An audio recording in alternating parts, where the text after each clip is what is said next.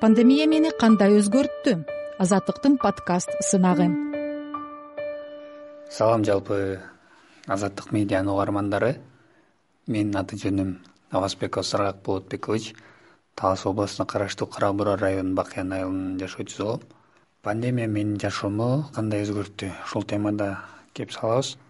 Ушул жылдын башынан бери ушу бүткүл дүйнө эли коронавирус илдетин э, башынан өткөрүп кыйынчылыкты сезип аткан кези анын ичинде биздин кыргызстан дагы азыркы учурда ушул оор апат менен күрөшүп көрүнбөгөн душман менен салгылашып аткандай эле болуп аткан кезибиз. Ушул учурдан пайдаланып ушул э,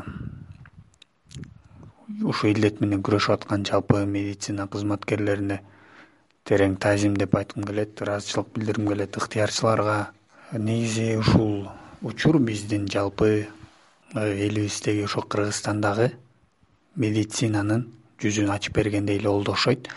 Себеп дегенде э, дары дармектердин жетишсиздиги э, орун текшерип изилдөөчү лабораториялардын жоктугу андан тышкары ооруканалардын алдында тизилип турган көптөгөн жарандарыбыздын абалы ушул нерсени мындай сонун кылып көрсөтүп берди да бизгечи биз буга чейин э, көбүнчө эле ошо той деп э, элибизде дагы мындай жүз метр сайын тойканалардын көптүгү ушул э, тойкана эмес ушу медицинага көңүл бурушубуз керек экенин билим берүү системасына көңүл бурушубуз керек экенин ушундай татыктуу адистерди өстүрүп чыгарышыбыз керек экенин мындай көрсөтүп берди да ойлойм бул ошо апат буюрусу жеңип чыгып баардыгы мындай жай турмуш ыргагына келгенден кийин ушул э, төмөндө айтылган тармактарга көбүрөөк көңүл бурат болушубуз керек деп.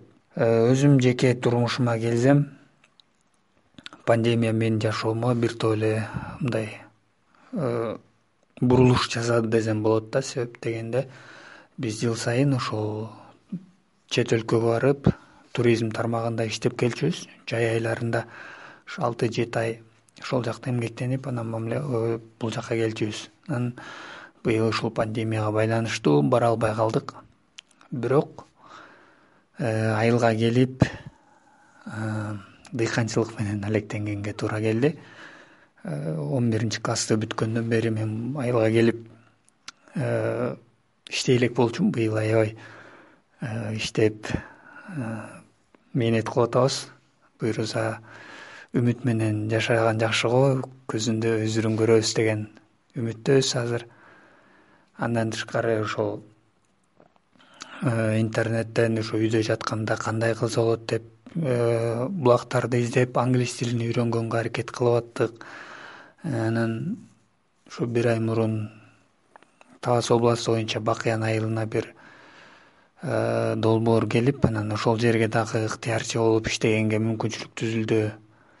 Э, ошол ушул нерселер мындай жакшы жактары болду десем болот. Андан тышкары ошол э, айылдагы жаштардын жазып аткан иштери эмгектери тууралуу блог тартып интернеттеги социалдык түйүндөргө жүктөп элдердин мындай немесине жакшы сөздөрүн угуп аттым да ошол биздин айылдын кишилери деген берүү. Бул анан ал боюнча ошо үч төрт баланы тартып алардын ой пикирлерин угуп баарлашканга жакшы мүмкүнчүлүк болду десем болот.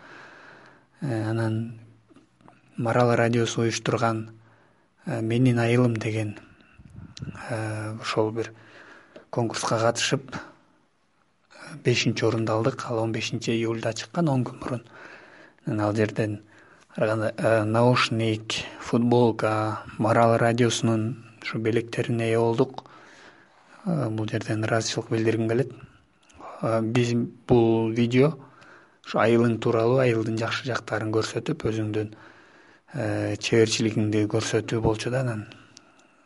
Он бир миң он эки миңге чейин адам ошол видеону көрүп айылдагы достор социалдык түйүндөгү достор бөлүшүп ар кандай ойлорду айтышып э, мындай э, алкабатта да ушул нерселер аябай жүрөк сүйүнтү да мындай ушул карантин учурундагы бир жакшы бир бурулуштардан болду десем болот. Андан тышкары ошо төмөндө айтып кеткендей тилге дагы көңүл бурганга себеби чет өлкөдө иштеп жүргөндө биз көбүнчө тилден аксап мындай көп баарлаша албайсың да күнүмдүк сүйлөшүп жүргөн эле сөздөрдү билбесең көбүрөөк мындай баарлашып туристтер менен ошентсең биз ошо туристтик жерде иштеген үчүн тил аябай э, маанилүү деп айтсам болот. Э, буюрса э, бул илдетти дагы жеңип чыгып жакшы бир жай турмуш мурдагыдай эле ушул абалга келет деген үмүттөбүз ошо эч ким оорубасын баардык ооругандарга ден соолук каалайм. Эч ким оорубасын ушул бул нерсе ушу айыл жерлерине кудай сактасын себеп дегенде медицина кызматкерлери жетишпейт алар дагы ушул өткөндө үч төрт күндө билинди да. Аябай менин апам өзү врач болуп иштейт. Саат он он бирлерге чейин элдер келип ушуну паника калтырышып атты да. Азыр буюрса абал жакшы анан эч ким оорубасын эң негизгиси ошол жакшы ойдо болуп жакшы нерселерди үмүт кылалы деп чакырат элем.